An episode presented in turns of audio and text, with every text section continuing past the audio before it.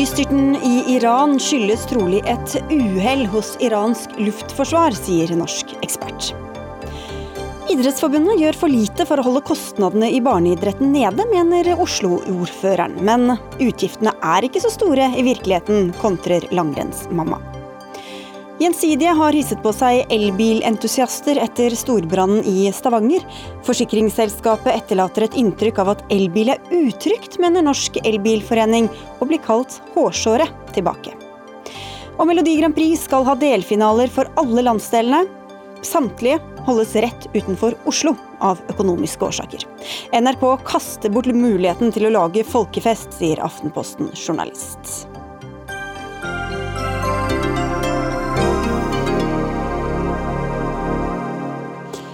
Vel møtt til ukas siste Dagsnytt 18, hvor vi både skal diskutere boligpolitikk og oppsummere Nav-høringen i Stortinget. Jeg heter Sigrid Solund. Det ukrainske Boeing-flyet som styrtet utenfor Teheran natt til onsdag, ble ikke truffet av en rakett, sa lederen for Irans sivile luftfartsmyndighet på en pressekonferanse i dag. Passasjerflyet med 176 mennesker om bord styrtet kort tid etter avgang.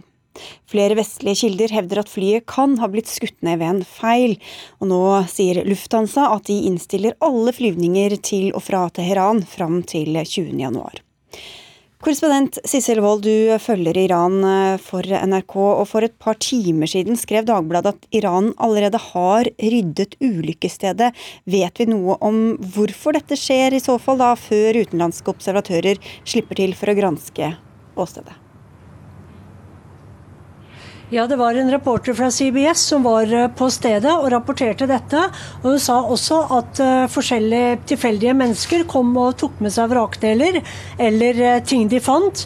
Dette er jo selvfølgelig uheldig. Iranske myndigheter har ikke sagt noe om hvorfor. Men det vi vet nå, er at ukrainerne sier at de har 45 etterforskere på bakken i Iran. Sånn at vi får håpe at etterforskningen går bedre enn det som er inntrykket til nå. Ja, for Iran har jo også bedt om internasjonal hjelp til å etterforske dette. Hvem er det de har bedt om hjelp fra, og hvorfor har de gjort det? Ja, nå sier ukrainske myndigheter at de har fått eh, tilgang til de to svarte boksene. Og Irans eh, etterforskere, eh, luftfartsmyndigheter, sier at eh, de selv skal undersøke disse svarte boksene også. Og det kan ta en eller to måneder før de får ut dataene. Og så kan det ta opptil et år før de får analysert disse dataene.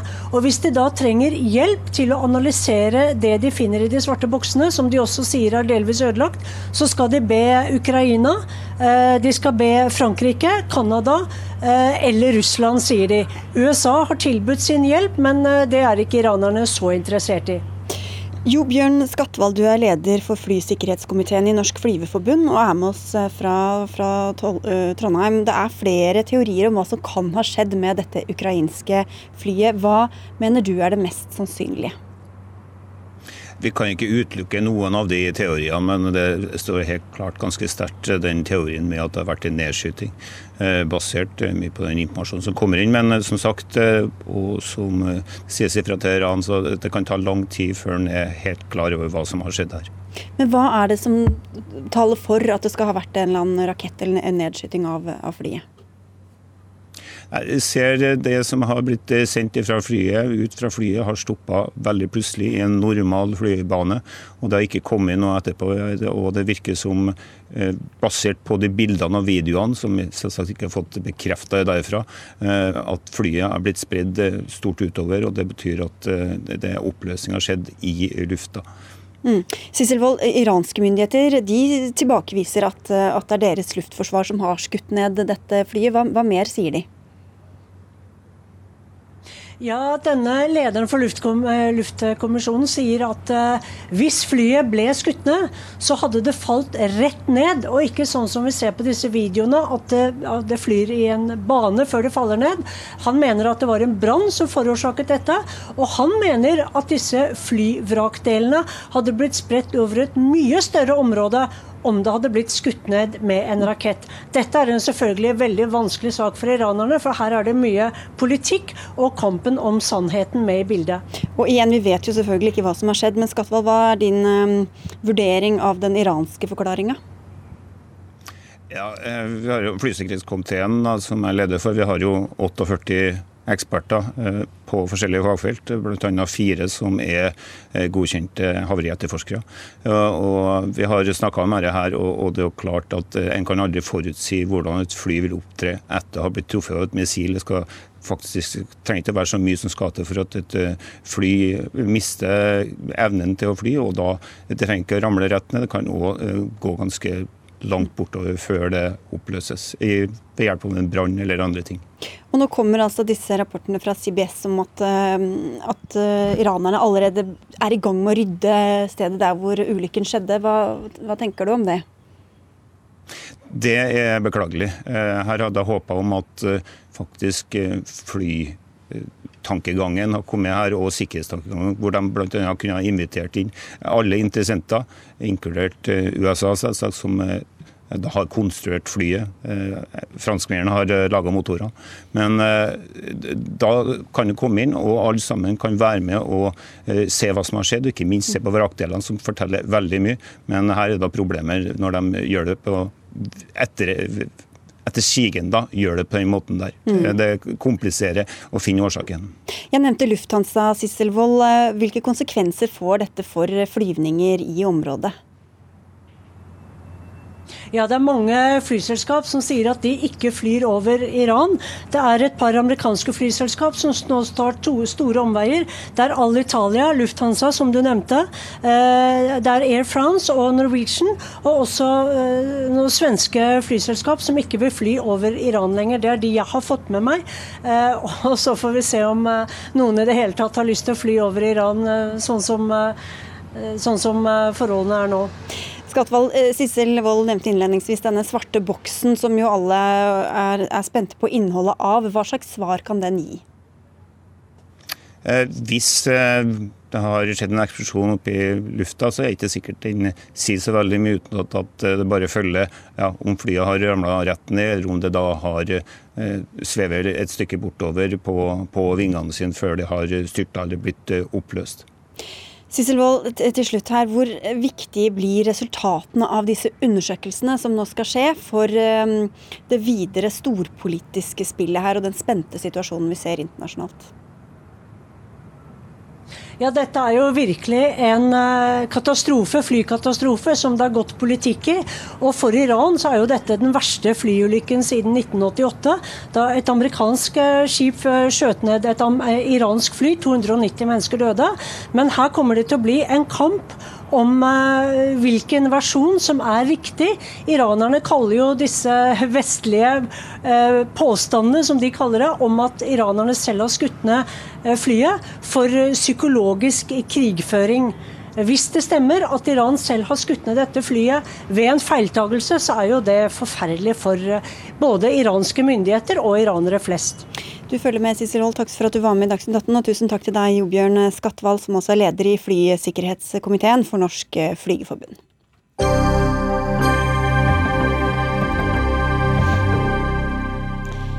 14-åringer med skiutstyr til 40 000 kroner og 12-åringer som har åtte par ski for å kunne stå rustet til å konkurrere.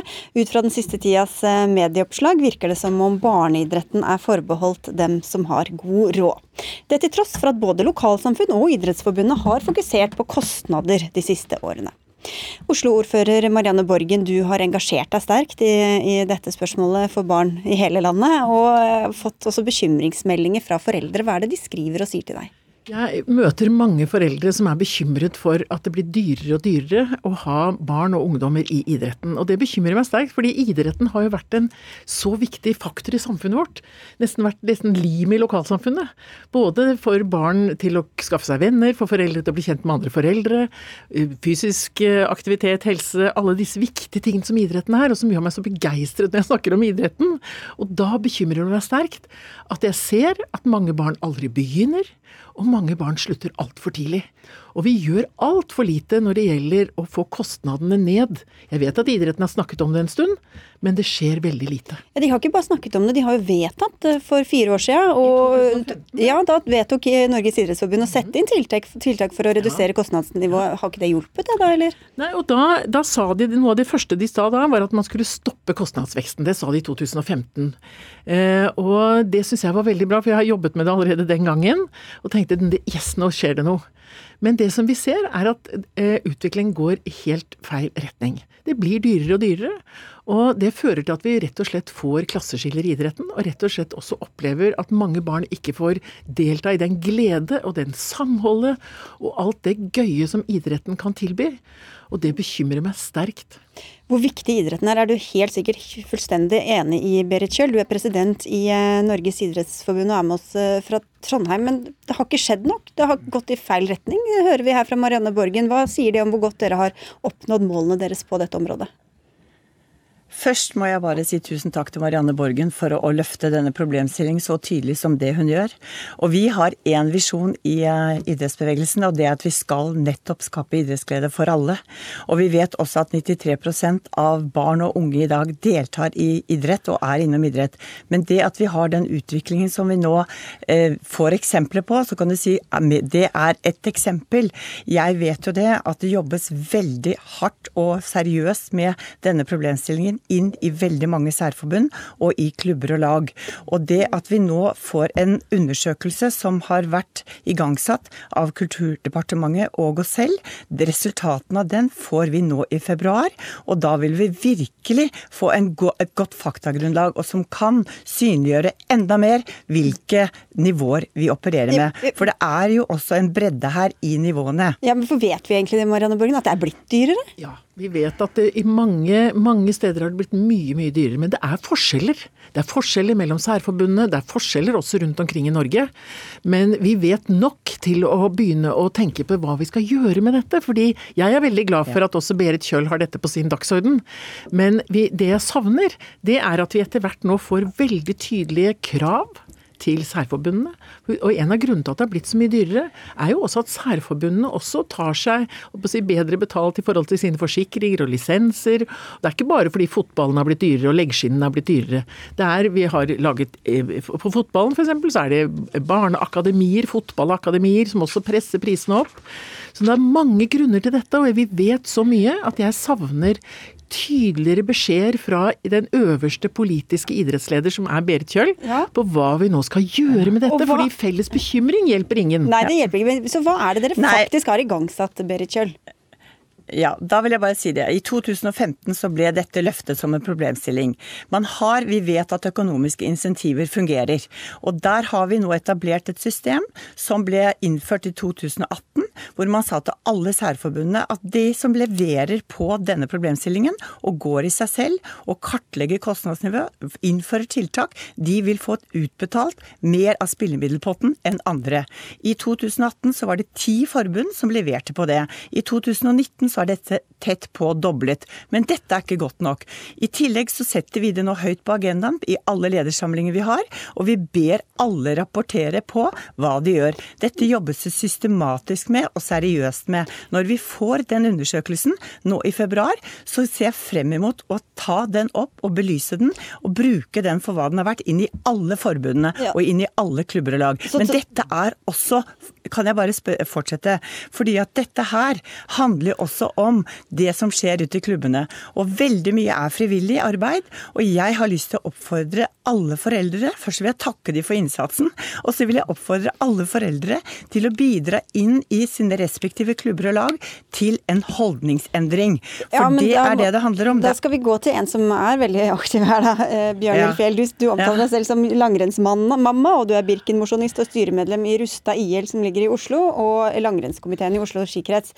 Og du sier i Aftenposten Aftenposten i dag at utstyrshysteri i langrenn, som du skriver om, da, at det rett og slett er en medieskapt overdrivelse. Hva mener du med det? Jeg mener at uh, det er uh, Det gagner ingen å komme med sånne tall som at uh, åtte Eller at en tolvåring er nødt til å ha åtte par ski. Det, jeg kjenner ingen tolvåringer som har åtte par ski. Jeg kjenner ganske mange. det er på en måte sånn at langrenn er en utstyrsidrett. Du må jo nesten ha ski for å kunne gå på ski, men det trenger ikke å koste så veldig mye. Driver du med langrenn i, i ung alder, frem til 15-16-årsalderen, så Eh, kan du eh, komme unna det på en ganske rimelig måte. Da. Det, så, det, koster ikke så mye for meg å ha min sønn med på langrenn. Det koster ikke noe mer for at han er med på langrenn enn at han er med på fotball f.eks. Eh, som tradisjonelt sett ikke er sett på som så dyrt. Da. Og da har du også pekt på, på NRKs rolle til å eventuelt da hause opp dette nivået? Altså, jeg tenker at det er ingen som, altså, jeg ønsker jo at så mange barn som mulig får lov til å være med i idrett. Fordi at uh, idrett er kjempebra for, både for inkludering og integrering, og det er bra for folkehelsa. Og det er så mange bra ting. Jeg har så mange positive minner fra idretten selv. Sånn at uh, det, det, er jo ikke noe bra at vi skremmer folk til å tro at det er kjempedyrt, for mm. det er det ikke. Det er som, I dag så har jeg fått veldig mange tilbakemeldinger fra foreldre rundt omkring i Norge som sier at Eh, vi kjenner oss overhodet ikke igjen i at man bruker 40 000 på skiutstyr til en 14-åring, eller at en 12-åring har åtte par ski. Det er ikke sånn det er. Eh, at folk kjøper brukt, de Ok. Ja. ja. Jan Petter Saltvedt, sportskommentator. Nei, vi skal gå til Saltvedt i, i NRK her. Er det overdrevet? Det er ikke sånn i virkeligheten? Jeg må jo bare si, Det er, det er jo ikke noe som er uenig i de tingene du sier om å få flest mulig inn i det her. Selv NRK er enig i det. Uh, tror jeg faktisk jeg kan stå inne for. Jeg brukte eksempelet med tolvåringer som har åtte par ski. Ja, For du har snakket om alt dette utstyrshysteriet og kostnadene? Jeg var så heldig å bli nevnt i artikkelen til Fjell i dag også.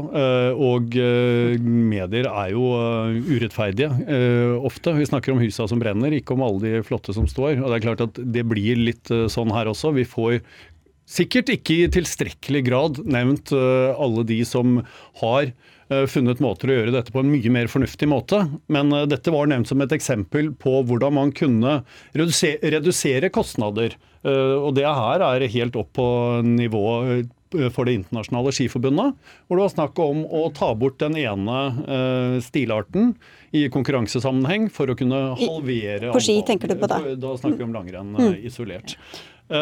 Og eh, det er klart dette er ekstremtilfeller, men jeg har sett eh, nok av disse tilfellene til å kunne i hvert fall identifisere dem som noe som skjer der ute.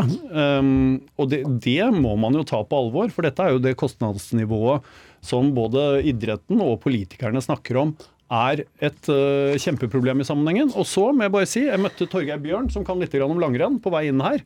Og det han i hvert fall sa, uh, er at av alle de eliteutøverne han ser i dag, så vil han si at så godt som samtlige faktisk kommer fra kår hvor man ikke var i nærheten av verken de åtte parene eller noe som helst annet. De som bygger seg nøysomt opp, er kanskje de som varer lengst innen eh, idrett. Ja, det var den protestantiske moralen, men apropos ja, elite, eliteutøvere, så er det, ikke, det er ikke bare han som sier dette, Saltvedt. Altså, det er eh, idrettstopper Martin Jonsrud Sundby, Astrid Urenholt Jacobsen. De sier det er blitt for dyrt. Du ja, reagerer på det de, også? Ja, jeg reagerer på det. fordi eh, Therese Johaug og Martin Jonsrud Sundby de vet jo ingenting om hva som skjer i barneidretten i dag. De er jo ikke i barneidretten. De har jo aldri vært på et skirenn eh, for barn de siste ti åra. Så, så, det er på en måte sånn at det, det, blir omtrent like relevant som at uh, hvis du lurer på hvordan det er å jobbe på en bensinstasjon, så ringer du Equinor-sjefen, liksom. Altså det er men, det kan vi høre med deg, da, Marianne. Jeg spurte deg hvordan du kunne vite at det egentlig var blitt så mye dyrere. Så sa du bare at du visste det, men du Nei, men jeg, ja, jeg tror at eh, idrettsledere både på lokalt nivå og på toppnivå som Berit Kjøll representerer, skal faktisk lytte til de innspillene som mange foreldre kommer med. Og Vi snakker altså ikke om de aller fattigste barna i Norge som, hvor det er særskilt problemstilling, vi snakker litt sånn generelt. Og jeg får mange henvendelser på foreldre som er bekymra, ikke minst også for profesjonaliseringen. Nå vet jeg at ditt idrettslag ikke holder på med det, men vi må klare å løfte blikket utover den lille teigen vi sitter på. Eh, og det er jo mange idrettslag som også etter hvert slutter litt med dugnader, slik at foreldrene kan kjøpe seg fri. Og da, i det øyeblikk du gjør det, så ødelegger du mange barns muligheter til å være med i idretten, for det blir rett og slett for mange kroner som skal betales. Mm. Og du ødelegger også det limet som er ved at frivilligheten bygger lokalsamfunnet for, sammen. Fjell, du representerer et idrettslag sørøst i Oslo, hvor ikke det er så mange store villaer, men du vet jo ikke kanskje hvordan det er andre steder både i byen, andre steder i landet, som har andre kår? Ja, altså, det er jo folk i vårt Robert Nedslagsfelt, som også har fin bil og stor villa. Så det er jo ikke det at de ikke har råd, nok råd til å kjøpe flere ski, men det handler om at man vet at det er ikke det som skal til for å lykkes. Det er helt andre ting. Eh, og det er også en veldig sånn selvjustis. da, At eh, man, man, man overdriver ikke utstyrsjaget. Men, men Saltvedt, er det et sånt byfenomen, eller hvor er det Det er jo, eh, altså, kostnadene, Det er mer penger i byen, og det er, det er kostnadsdrivende. Og så viser jo undersøkelser at det er reell bekymring blant foreldre. Og foreldre ser økonomien i idretten som et reelt problem, og derfor mener jeg vi må adressere akkurat den utstyrsbiten. Vi skal få inn Berit Kjøll også oppe i, i, Trondheim. for det, kan, kan, dette bli en selvoppfyllende profeti? Altså, dere snakker om at vi må ikke ha så mye utstyr, og så blir det sånn at, at man tror at det koster veldig mye å ha barn som er aktive i idretten. Jeg tror På generelt grunnlag så tror jeg at økonomi som barriere er en utfordring i norsk idrett. Men vi må se på bredden av tilbudet, og jeg, jeg mener og tør påstå at vi har et tilbud for alle. Og så er det noen idretter som blir mer ekstreme, og nå i dette tilfellet så fokuseres det veldig på utstyrshysteri i skiidretten. Jeg tror jeg er veldig glad for Fjell som var til stede her i dag og sier at det er ikke slik det er. Det er utlånsdager, det er utlån, gratis utstyr, det er byttedager. Det gjøres en rekke gode ting. Men så har du foreldre som er ekstreme, og det er de foreldrene vi må taue inn og si vi ønsker ikke å gå i den retningen. Og her vil jeg gjerne invitere til en dugnad i hele idretten med alle frivillige som gjør en strålende jobb med å sette denne problemstillingen høyt på agendaen, og ta møter og si hvordan vil vi ha det hos oss. Invitere inn til gymsalenes eh, ny, ny, storhetstid igjen. Ikke overnatte på dyre hoteller, men tenke nøkternhet, tenke bærekraftighet. Mm. Og der har vi i idretten en jobb å gjøre. Og den er vi godt i gang med. Og jeg gleder meg til å felles, i fellesskapet få til nye resultater her. Og dette er veldig viktige signaler fra den øverste politiske leder i Idretts-Norge. Sånn at, og det må følges opp også med konkrete krav, ikke bare ja. som et ønske. Fordi ja, målet er jo ikke å skremme noen. Målet er jo at det er flere som skal få muligheten til å oppleve den glede det er å være en del av idrettsbevegelsen. Ja, men jeg er helt sikker på at det er så mange som har lyst til å bidra inn her. Ja. Det er så mange som har lyst til å bidra inn her. Det er på en måte eh, fint at uh, at uh, Berkjell sier det her. Men det er jo klart at vi som driver på grasrota, vi merker jo ikke så mye til at det er mye penger i toppen av Idretts-Norge. Så vi kunne jo gjerne ønske at noen av de pengene som dere bruker, uh, ramla nedover til oss. Uh, det er jo litt sånn at det er en altså... Akkurat den siste debatten har jo da vært om, om utstyret på, på, ski. Og det er jo sånn den gang at du må jo ha et visst minimum av utstyr for å kunne gå på ski. Uh, så gratis blir det jo aldri. Men det koster jo ikke så mye ellers, da. Eh, for vi er jo ute. Det koster jo ikke noe halvleie og sånne ting. sånn at det er jo ikke en dyr idrett i og for seg. Ja, og akkurat når det gjelder kostnader og pengebruk, så har vel ikke dere en veldig stolt historie, Berit Kjøl? Ja, men Nå har jeg mer opptatt av å se fremover. Og det jeg tenker i forhold til hele idrettsbevegelsen, så må vi også til, litt tilbake til leken, til moderasjon, til nøkternhet. Og i det hele tatt tenke gymsaltiden. Jeg vil ønske den tilbake i forhold til kostnadsnivået her. Ålreit. Men vi veit jo bare helt på tampen her, eh, Jan Petter Saltvedt, at det er færre Langrenn har det vært snakket mye om. Det er færre organiserte der. Men kan vi egentlig si at det skyldes kostnadsnivået, ikke eh, konkurransen fra andre aktiviteter, enten det er sport eller andre ting, eller bare at det rett og slett er mindre snø nå eh, de siste årene enn før? Langrennssporten sliter åpenbart med snøen. Altså, alt er jo snakk om terskel. Uh, altså, om det er kostnadsmessig, om det er når det gjelder avstander til snø, til anlegg. Og ikke minst holdningsmessig. Det å kunne ha en veldig lav terskel eh, for eh, å komme seg inn. At det ikke er for mye alvor. Der tror jeg den virkelige jobben eh, ligger. Dette er jo ikke et problem primært i forhold til skiidretten. Altså, her tror jeg vi må se at vi idretten generelt har et problem. Mm. For det er klart at når det koster Jeg har jo eksempler på hvor det koster 20 000-30 000 å være med på fotballen i løpet av et år. Da er vi helt ute å kjøre, og det er der det blir så viktig at også idrettsledelsen gir veldig klare signaler nedover. Men uh, ditt parti har jo Ja, men ok, du Saltvedt skulle bare få kommentere. Beklager, men jeg må bare si det. Ditt parti har jo vært så stolt av innføringen av eh, maksprisen i barnehagen og hva det førte til. Nå får du uh, høre når første politikerne kommer på banen med en makspris innen idretten? Her nikkes det. Ja, kjøl, veld, ja, veldig, veldig kort. Veldig kort. Ja, jeg har lyst til å utfordre Marianne Borgen tilbake på handling i forhold til gratis halvleie. Eh, det er noe vi ønsker oss, for det er også en virkelig stor kostnadsdriver rundt forbi. Det har vi i Oslo. Og et kontaktpunkt. Et, ja, det er bra, men da kan du utfordre alle andre kommuner. Men også et kontaktpunkt inn i alle bydeler ønsker vi oss fra idretten. Du får ta det videre til de eh, ansvarlige i Trondheim, hvor du er, Berit Kjøll. Og takk skal du ha for at du var med, og tusen takk også til, eh, til dere andre. Til Marianne Borgen, som er ordfører i eh, Oslo. Til Bjørnhild Fjell, som også er styremedlem i Rustad IL i eh, Oslo. Og til eh, vår egen Jan Petter Saltvedt.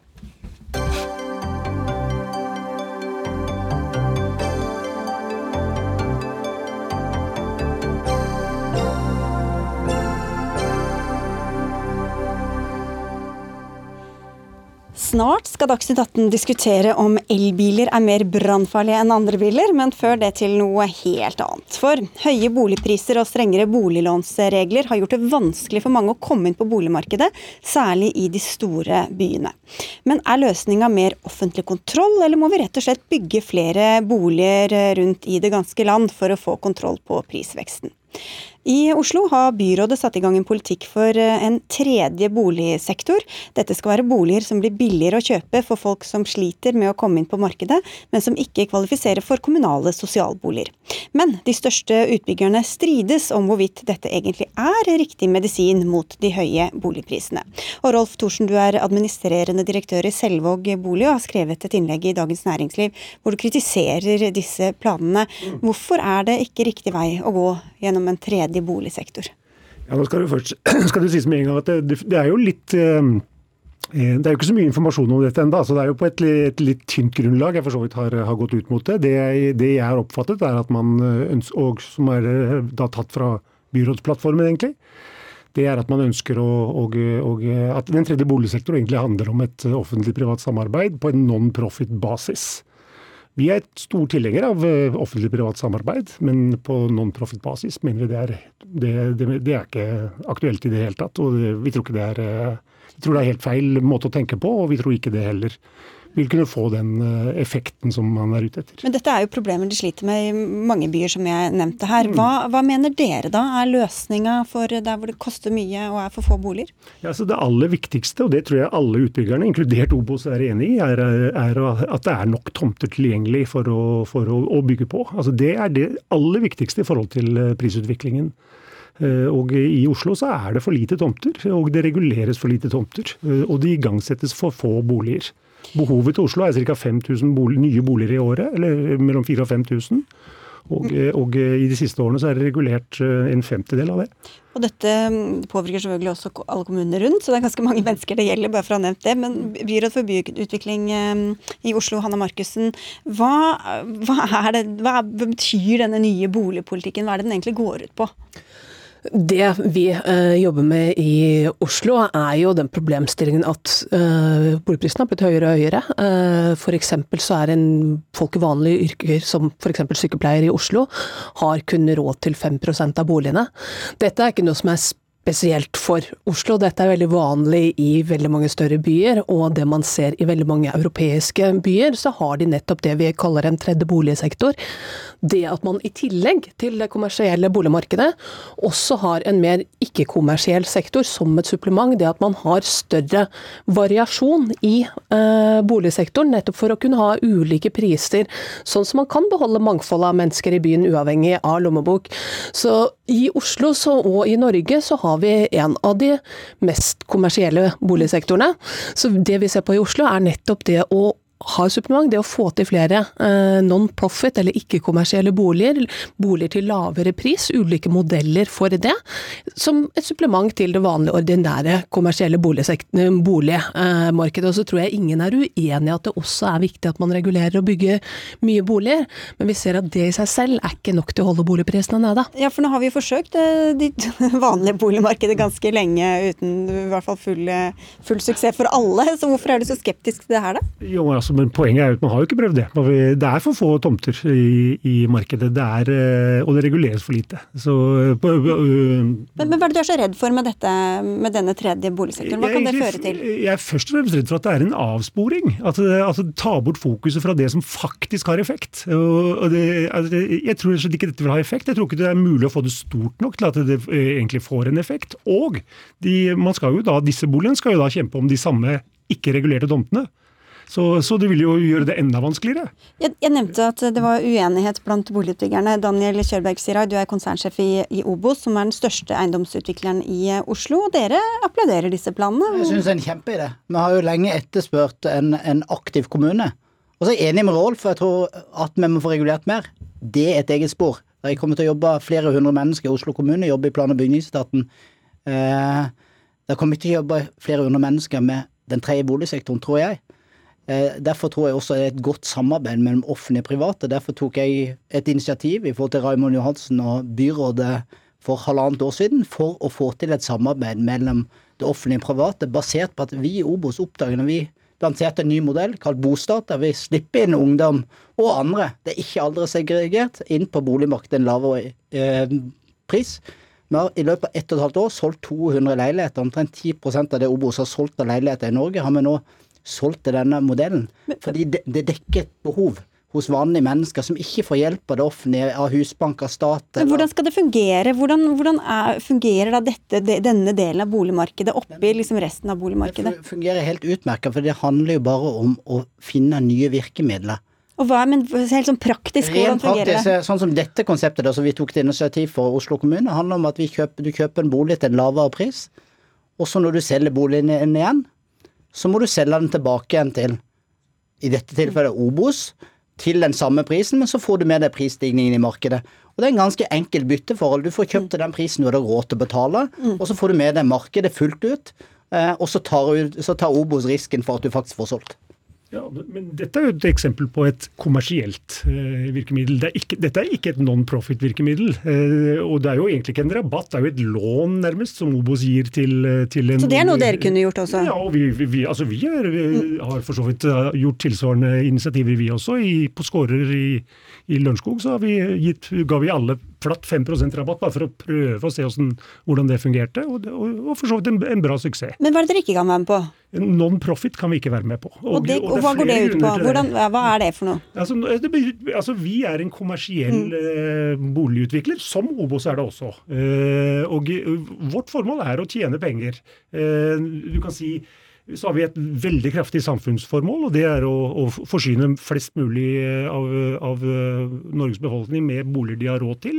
Men det må vi gjøre ved at vi jobber med å holde kostnader nede, ved å, å utvikle konsepter som kundene vil ha, osv. osv. Mm. Hvordan skal dere få med folk, altså næringslivet på eh, prosjekter som ikke genererer noen penger? Nå er det sånn at i veldig mange europeiske større byer som det er naturlig å sammenligne seg med, så har man nett med variasjon i boligmarkedet. At du har rent kommersielle utbyggere, og så har du en del andre former for eh, ikke-kommersielle aktører, eller varianter av det. Og så har man en større variasjon, som også gjør at man har større variasjon av priser i markedet. Eh, vi ønsker nå å se på om det er mulig, sammen med, eh, med private aktører, å få til noen lignende løsninger, og har bl.a. en dialog etter, med Obos etter initiativ fra Obos, som uh, Daniel Sirai nettopp nevnte. Mm. Så, så dere syr politikken deres etter Obos-forslag nei, altså, og ønsker? Det, det, her opplever jeg mer at vi altså, i, uh, fra byrådets side allerede, uh, da vi gikk på for fire år siden første gang, begynte å adressere denne problemstillingen. Og så opplever jeg at her har det faktisk vært respondert fra flere aktører med ulike nye typer løsninger, nettopp for å respondere på den, den, den utfordringen vi har med boligpriser. Okay. Det er positivt. Men ok, dette non-profit, er det noe dere kan være med på? Jeg tror at noen tenker som Rolf og Selvåg. Det er helt ok. Men det finnes faktisk kommersielle aktører. Obos tenker slik. Vi gikk inn i det med, med øynene for at dette kan, kan være non-profit, fordi at det er en del av samfunnsansvaret vårt. Jeg vet at ganske umiddelbart etter vi lanserte det, så fikk jeg en e-post av en leder av et større annet, meget kommersielt utbyggingsselskap som sier til meg dette har jeg også lyst til å være med på. Eh, sånn at jeg tror det finnes faktisk store aktører som ønsker å ta bruker sin del av samfunnsansvaret også inn mot å løse dette. Og så får, andre selskaper velge sin vei. Det har jeg stor respekt for. Men det er viktig at jeg tror faktisk at Hanna Markussen og byrådet klarer å mobilisere en del utbyggere til å være med på sitt non-profit-initiativ. Okay, men, men, men, det betyr da at dere skal ikke tape penger, men dere skal heller ikke tjene penger? Dere bare stiller dere til rådighet på en måte for ja, å ta et som oppdrag? Av, som, som, om, som om du, ga, som du sponser en idrettsklubb eller teater eller eh, eller ga penger til fine skulpturer, eller hva det nå er, så kan du like godt bruke det til å løse vanlige folks boligutfordringer. Men dette vil jo aldri kunne få noe volum. Hvordan skulle det finansieres for at det virkelig skulle kunne få et volum? Det, altså, dette, dette, blir symbolpolitikk, symbolting, og, og, og, og, markedsføring, sånn som jeg opplever det. Dette er noe helt annet. Dette løser ikke problemet i det hele tatt. Nei, og, der, men, da, og da, peker jo du på mer regulering av tomter osv. Men, men hva kan det gjøre med hele boligmarkedet, at man får en sånn oppsplitting av av eh, forskjellige kategorier? Han henviser til hva som skjer f.eks. i andre land, da, og sier at det finnes mange forskjellige andre former der. og du har jo for i England så har du noe som heter affordable housing, og, og, du har, og, du har, tilsvarende initiativer også i andre land, Tyskland også, tror jeg. Men det altså, det er jo, det er jo konsepter hvor det, det, offentlige går inn og sponser tomter. altså Rett og slett stiller til rådighet billige tomter med den forutsetning at du, en del av boligmassen tilbys uh, til en lavere pris. Det tar jo ned tomteprisene, selvfølgelig, og, og, og, og med de konsekvenser det har da. Ja, det, det, kommunen kunne tjent mer penger enn det, enn det, den gjør ved å stille disse tomtene. Det kunne man gjort i dette initiativet også. Kommunen sitter med en stor tomtemasse som kan med her, og jeg tror faktisk at det er mulig å få selvfølgelig vært med på. Mm. Ja, det er det jo nettopp det. Altså, vi ser på ulike løsninger, og det er helt riktig at i andre byer i andre europeiske land så har man ulike former for løsninger. Noen steder er det kommunene selv som er mye inne i boligmassen, andre steder så er det ikke-kommersielle stiftelser i tillegg til kommersielle. Her er det masse ulike, ulike, løsninger. Det vi gjør i Oslo er å se på ulike alternativer nettopp for at vi skal klare å oppskalere og få et volum over tid. Men, men, hvem er det som skal bestemme at du får lov å bo i den billige leiligheten, men du får ikke lov? Hva skal være kriteriene for det?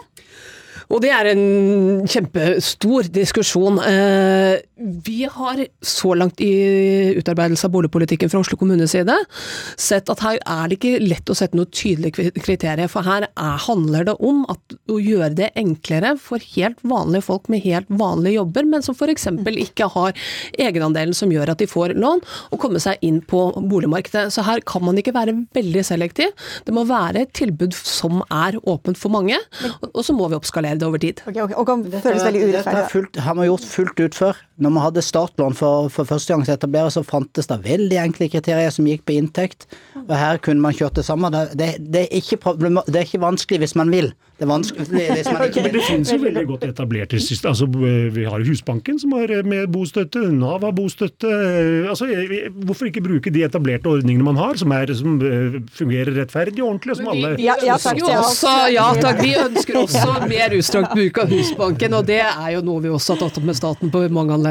Da får vi se hvor eh, stor, stor skala det blir etter hvert. Takk skal dere ha i hvert fall alle tre. Rolf Thorsen fra Selvåg bolig, til Daniel Kjørberg Sirai fra Obos og til Hanna Markussen fra MDG, som er byråd for byutvikling.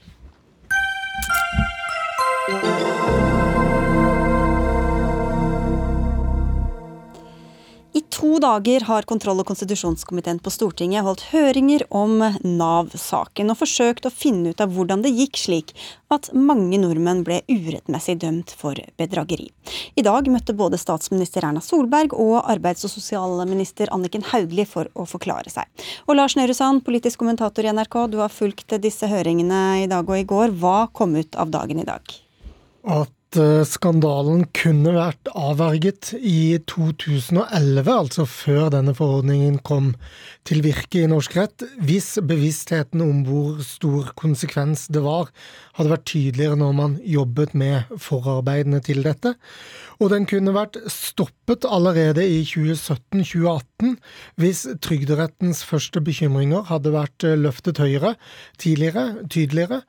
Eh, men istedenfor så endte dette med at Nav som helhet, Nav sin klageinstans, eh, altså en avdeling internt i Nav, Trygderetten, eh, Riksadvokaten, departementet, statsråden, kun vil ta et delansvar for saken, og har etter egensigende, da, gode forklaringer på hvorfor de ikke kan lastes mer enn de bør for uh, helheten i dette som er en politisk, uh, juridisk uh, og administrativ skandale og betydelig systemsvikt i mange ledd over lang tid. Ok, Så ikke noe lettere å peke på den ene eller den andre egentlig etter i dag, da? Nei, men eh, det sirkles jo også litt inn at eh, det er ulike deler av Navs organisasjon som burde eh, skjønt tidligere eh, at eh, Eller hvor uroligheten i hvert fall var såpass store at man eh, burde ha løftet den problemstillingen eh, tidligere. Det syns jeg vi har med, med, tydelighet fått svar på, både med Riksadvokatens tydelige vitnemål i går og går morges, og Trygderettens svar i går ettermiddag. Solberg og Hauglie var altså der og forklarte seg i dag. Hva var deres viktigste budskap? Eh, det statsrådene sier, er at det er eh, en veldig beklagelig sak, selvfølgelig. De, de, eh, men de mener jo både at dette er en følgefeil som startet lenge før deres regjering tiltrådte, og at uh, det viktigste for dem nå er å rydde opp, og det skal de uh, bruke alle tid og mm. krefter på. Du nevnte dette med forarbeidet, for det er ble nevnt flere ganger i dag at dette kan også delvis skyldes at ikke dette står spesifikt i norsk mm. lov, men det er at, at EØS-regelverket som gjelder som norsk lov, ikke står i lovboka, for å si det sånn. Er, er det en forklaring som alle kan slå seg til ro med, eller? Ja, men den viser jo banaliteten i, i, i feilen her, fordi at eh, det er jo godt kjent at EØS-retten er over norsk rett. Som du sier, det er på en måte eh, noe jeg vil tro alle jurister vet. Men at eh, hvilke konkrete det, eh, konsekvenser det får, det er det mindre bevissthet om. Og det var jo også Riksadvokaten tydelig på. Det er egentlig helt fra, eh, fra utdanningsinstitusjonene og frem til den daglige praktiseringen av jussen, så er det kunnskapshull om det. Og det var også noe av Vågeng, altså Nav-direktør, sittende Nav-direktør, sine svar i dag sier, er at eh, både EØS-kompetansen i Nav som sådan, og kommunikasjonen mellom disse ulike etatene og leddene vi har snakket om, det er det som har sviktet mest, eh, slik hun ser det. Dette er jo en høring, men det handler jo også om politikk, og du skrev på NRK Ytring at alle parter egentlig, altså politiske parter, er, er tjent med at ansvaret pulveriseres. Hvorfor er det det? Fordi da kan man slippe unna med å ta et delansvar, og man klarer ikke å nødvendigvis plassere skyld. Så kan man si at det er ikke nødvendigvis et eh, mål i seg selv, men det er jo ikke bare de to regjeringene som, er, som kan komme godt ut av at ansvaret pulveriseres. Det gjelder jo eh, alle de etatene og, eh, organene vi har snakket om, eh, fordi systemsvikten er så totalt. Men det er jo også sånn at når da ansvaret, eller hvis hovedsvaret blir at her har ansvaret dessverre falt mellom veldig mange stoler, og det er, det er leit, så er ikke det spesielt tillitsvekkende for, for befolkningen. Og det at kommunikasjonssvikten og silotenkningen mellom hvert organ på sin tue som bare vokter seg og sitt, Eh, det eh, vitner noe om at det er en, stor systemsvikt som granskningskommisjonen eh, nok er bedre i stand til å bore dypere i og gi oss et bedre bilde av enn det høringen disse to dagene har vært. Helt på tampen, Erna Solberg ble spurt om hun hadde tillit til Anniken Hauglie i dag, og det svarte hun selvfølgelig til. Hun sitter jo som statsråd, men tror du hun blir sittende, eller er hun nærmere en avgang etter disse to dagene?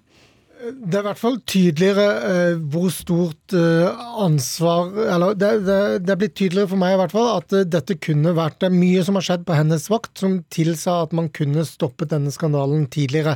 Om det gir seg utslag i mer mistillit, kan godt være. Om det gir seg utslag i at hun må gå når hun sitter tross alt i en flertallsregjering, det syns jeg eh, Eller det er vanskelig å svare på. Takk skal du ha, Lars Nehru.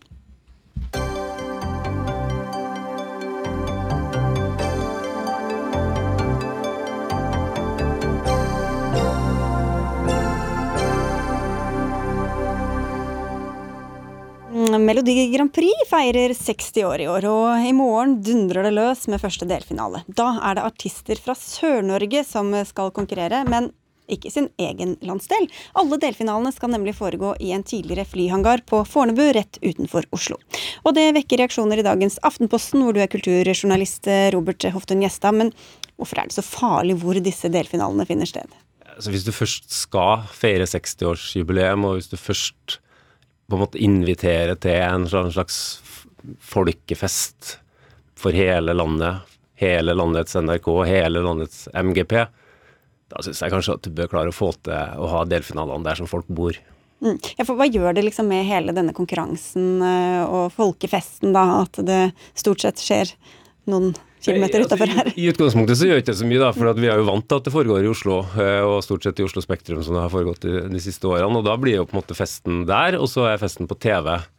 Eh, det spesielle her er jo at NRK i utgangspunktet da har hatt delfinaler før.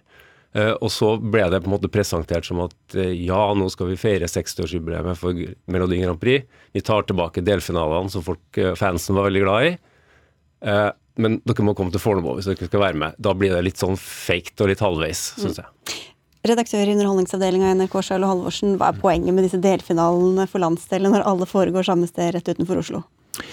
Utgangspunktet er jo egentlig mye av det som Robert sier, at vi vil jo veldig gjerne feire seksårsjubileum for desidert største kulturarrangementet i Europa. Så eh, retningen er helt lik, så vi skal ikke krangle så mye på det. For det, det er eh, at vi lager fem delfinaler og at det er en konkurranse mellom landsdelene, det, det er vår markering av at det er et 60-årsjubileum, eh, som sagt, til en enormt stor eh, kulturmønstring. Og så um, skal vi selvfølgelig være glad for at noen ønsker at vi skal bruke enda mer penger på eh, MGP. Det, egentlig, det høres jo kjempeflott ut, egentlig. For det er pengene det står på? Vi var jo innom eh, planen om å reise rundt i, i eh, lands, eller rundt i Norge med dette her. Og vi tok fram kuleramma og, og regnet på det, og det, det, er, det er veldig dyrt å dra. Eh, vi er innpå 100 mennesker som skulle dratt på turné i fem uker. Så må man velge da liksom om geografi eh, vi skal bruke pengene der, eller om vi skal bruke pengene på innhold på TV. For det som eh, også ble sagt der, det er jo vi er jo hjemme i stua til folk på, på ymse skjermer. Det er jo der feiringen egentlig foregår.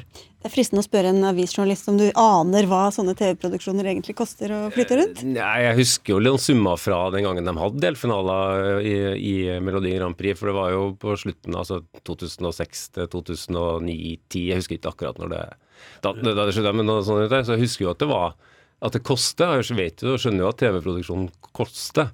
Eh, jeg dro jo bare en litt sånn, kall det en enkel sammenligning i, i, eh, min kommentar i Aftenposten i dag med det jeg så på TV her forrige søndag fra Tour de Ski. Der jeg da telte opp to kommentatorer i boksen, to på sletta og tre i et studio i, her i NRK for å følge noen skiløpere opp en, en slalåmbakke. Mm. Så skjønner jeg at det er veldig mye billigere enn å flytte en TV-produksjon. Men det viser jo på en måte at, at det, det, handler jo om vilje. Det, er, sånn, det finnes jo penger hvis en vil, så det handler bare om hva en vil gå inn for. Nei, nei, ja. Vi skal ikke begynne å telle opp for mye, men å sammenligne 100 stykker på turné i fem uker versus eh, fem stykker på sletta nede i Val di Fiemme blir litt sånn vanskelig kanskje. Eh, så, så, er, så i, på et eller annet nivå så er det jo en ressurstankegang eh, bak det. Men Sveriges Televisjon de vurderer det annerledes. De reiser land og strand rundt eh, i Sverige med disse delfinalene sine. Ja. Er, er, det større i Sverige, eller hva, hva, hva gjør, hvorfor vurderer NRK det så annerledes? Det er jo, dette er et eh, spørsmål vi får sånn ca. hvert år. Eh, fordi at Sverige er jo av alle landene som deltar i Eurovision Song Contest, så er jo de uten sammenligning de som bruker mest ressurs på det. Og er jo kjempestore, og er en enda mye større begivenhet der borte enn det er i noe annet land. Så er det noen som bruker veldig lite ressurser, som egentlig bare plukker ut en vinner. Og så er Sverige er kjempestore, så at vi til stadighet skal sammenlignes med akkurat de som er aller gærnest på det, det føles litt rart, men, men det er jo det er svært. Altså, vi har jo fans som er nesten like gærne i Norge som i Sverige, så jeg synes det er helt fint å sammenligne seg med Sverige. Og det de får til i Sverige, eh, er jo at de får jo til et samarbeid med de byene der de har det. Sånn at det blir jo en slags deling på en, på en sluttsum òg. Altså byene eh, er med å betale for arrangementer, sånn at ikke alt av, av de pengene går på, går på 100 og sånn. Men så er det jo, i, i, tillegg til det, så er det jo på en måte, det er liksom noe med uh, invitasjonen på det her. Altså det er kjempesmart, syns jeg, å feire 60-årsjubileet for det her er det største NRK har. Det her er jo, altså det er jo bare femmila i Kollen som er større enn det her for NRK. Det er det største de har hatt i 60 år. Så det er kjempesmart å, å se for seg en sånn at hele landet skal med på feiringa. Ja. Og da er det litt dumt å liksom feige ut på uh, kuleramma på slutten uh, og si at da må dere komme til oss på Fornebu. Og så har de jo ikke klart å selge ut engang de ca. 500 billettene som er tilgjengelige på hver delfinale, så det er jo ingen som vil komme dit for å se på de delfinalene. Jeg tror de hadde kommet til Alta, Florø, Ørlandet. Mm. Altså de byene som har lyst til å ha det. Ja, for Det kunne jo kanskje skapt mer engasjement da, hvis man reiste rundt og fått svenske tilstander eh, på MGP-fronten i Norge? Men absolutt, og det er jo, det er jo bra å reise rundt. Vi, og det er jo eh, en av grunnene til at vi nå tar selve finalen. Tar vi jo til Trondheim. Og det er vel ikke, Vi har ikke vært utafor Oslo med finalen siden slutten av 80-tallet eh, en eller annen gang. Vi var vel i Stavanger. Eh, og det er jo en aksept av mye av argumentasjonen din, at det er bra å komme ut. Så vi skal eh, feire vilt i, i Trondheim i midten av februar. Det var en ganske sint Alta-politiker i Aftenposten i dag også. Hva slags reaksjoner har dere fått fra det ganske land for at dere ikke, ikke drar? Ikke mye reaksjoner. Og det er eh, denne spleiselaget som jo også blir nevnt her. Mm. Det er ikke uproblematisk at NRK går inn i kommunekassa rundt om og forsyner seg. Det regner med at stort sett så har Norges kommunepolitikere nok å bruke pengene på. Og så er det fristende å spørre hva skulle NRK prioritert ned, da, hvis du skulle brukt masse, masse, masse mer penger på Melodi Grand Prix? Ja, nei, Det er heldigvis ikke min oppgave å svare på. da. Jeg har jo så, veldig, så heldig situasjon at jeg bare kan be om mer, for så vidt, eh, på, på akkurat det. Men eh, jeg skjønner veldig godt at det ikke innføres delfinaler hvert eneste år og at det skal på en måte da dras landet rundt eh, hvert eneste år i fem helger og fem uker med produksjon og sånne ting. Men akkurat den ene året, 60-årsjubileet, når du inviterer fansen til en sånn folkefest for hele landet, da syns jeg du skal dra dit de er, og ikke be dem komme til Fornebu. Spare penger til 75-årsjubileet, det er da man skal rundt. Alle kan i hvert fall se på det på TV i morgen eh, kveld. Og så Takk skal dere ha, begge to, for at dere var med i Dagsnytt 18, kulturjournalist Robert Hoftun Gjestad, og til deg, Charlie Halvorsen fra NRK.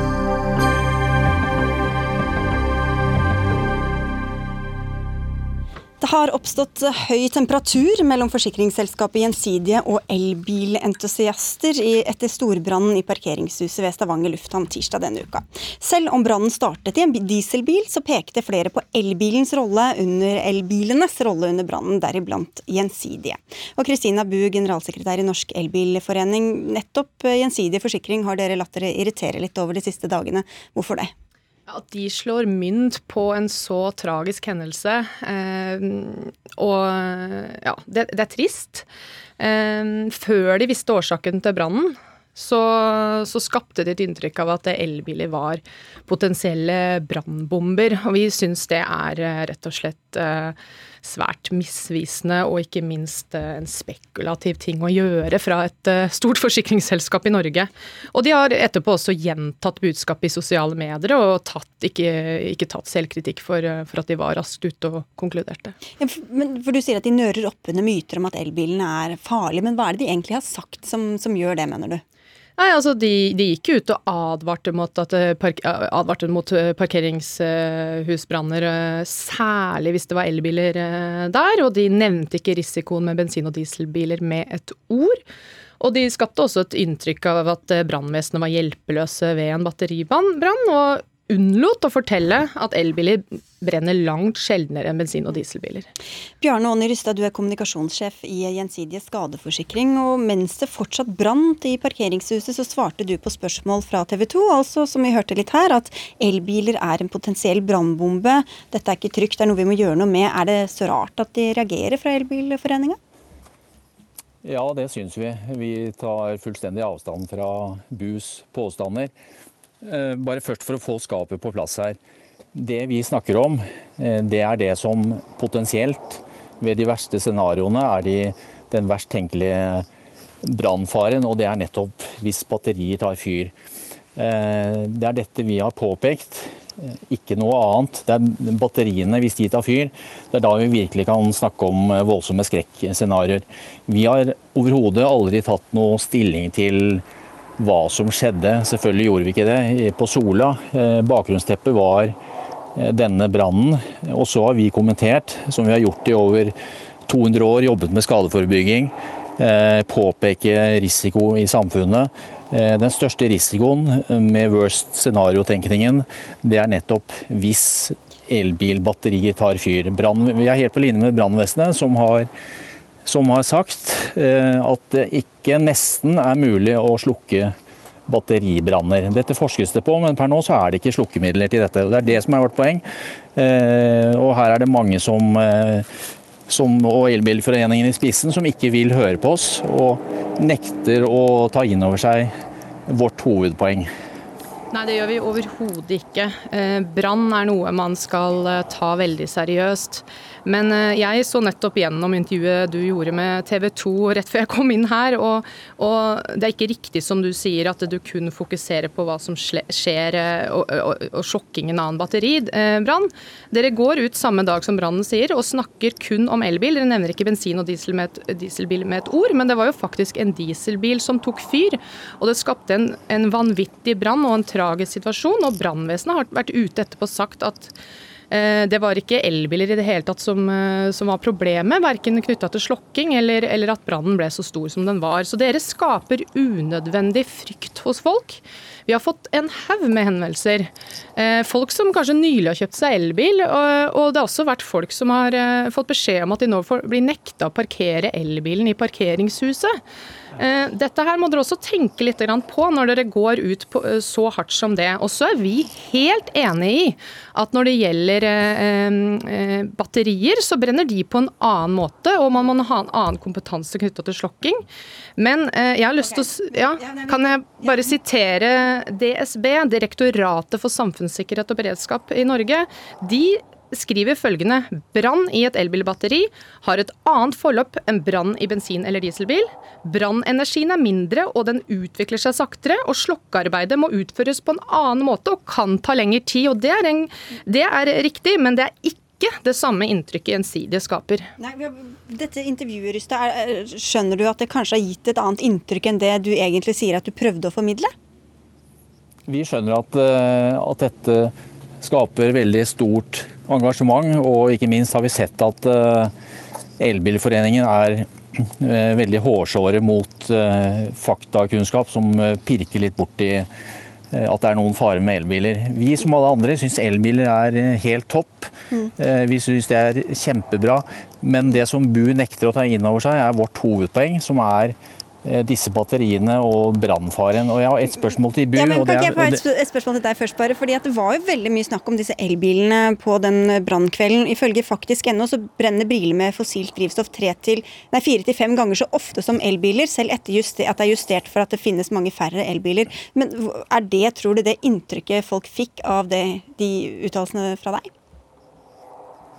Ja, Hva inntrykket var? Det som var vårt mål med dette, var jo å påpeke det som er den aller største potensielle faren. Så har vi aldri sagt noe om om det er større eller mindre risiko for at den ene eller andre bilen tar fyr. Men hvis det verste scenarioet inntreffer, så er vi tilbake til eh, batteriene i elbiler, som er veldig, veldig vanskelig å slukke. Og jeg har et spørsmål til Bu. Eh, mener du virkelig at hvis man har 20 elbiler og batterier ved siden av hverandre som har tatt fyr, som brannvesenet har store problemer med å slokke, mener du at det ikke er mer farlig enn 20 fossilbiler som brannvesenet klarer å slukke i løpet av noen få minutter. Eh, jeg mener ikke det. Jeg mener at uansett så må man ta en brann seriøst. Men du må også ta med eh, i din, din, eh, din, vurdering at eh, det er veldig, veldig vanskelig å få fyr på et batteri i utgangspunktet. Dere skaper unødvendig frykt for at bensin- og dieselbiler brenner mye oftere. Vi Men det kjenner... brente vel på bilbatterier i elbiler i denne brannen? De har ikke vært konkludert i hvilken grad de gjorde det, men det, det, det vil jeg tro de til slutt gjorde, for det var en såpass såpass svær brann og, og, såpass eh, sterk varmeutvikling. Men det er faktisk sånn at det er i veldig liten grad eh, Faktisk tror jeg man kjenner til kun ett, eh, ett eksempel hvor, hvor, en bil har, hvor batteriet har begynt å brenne, og det var ved en togkollisjon. Så de begynner å, batteriene tar veldig sjelden fyr. Og det er jo noe av det viktigste, at det ikke blir brann i utgangspunktet.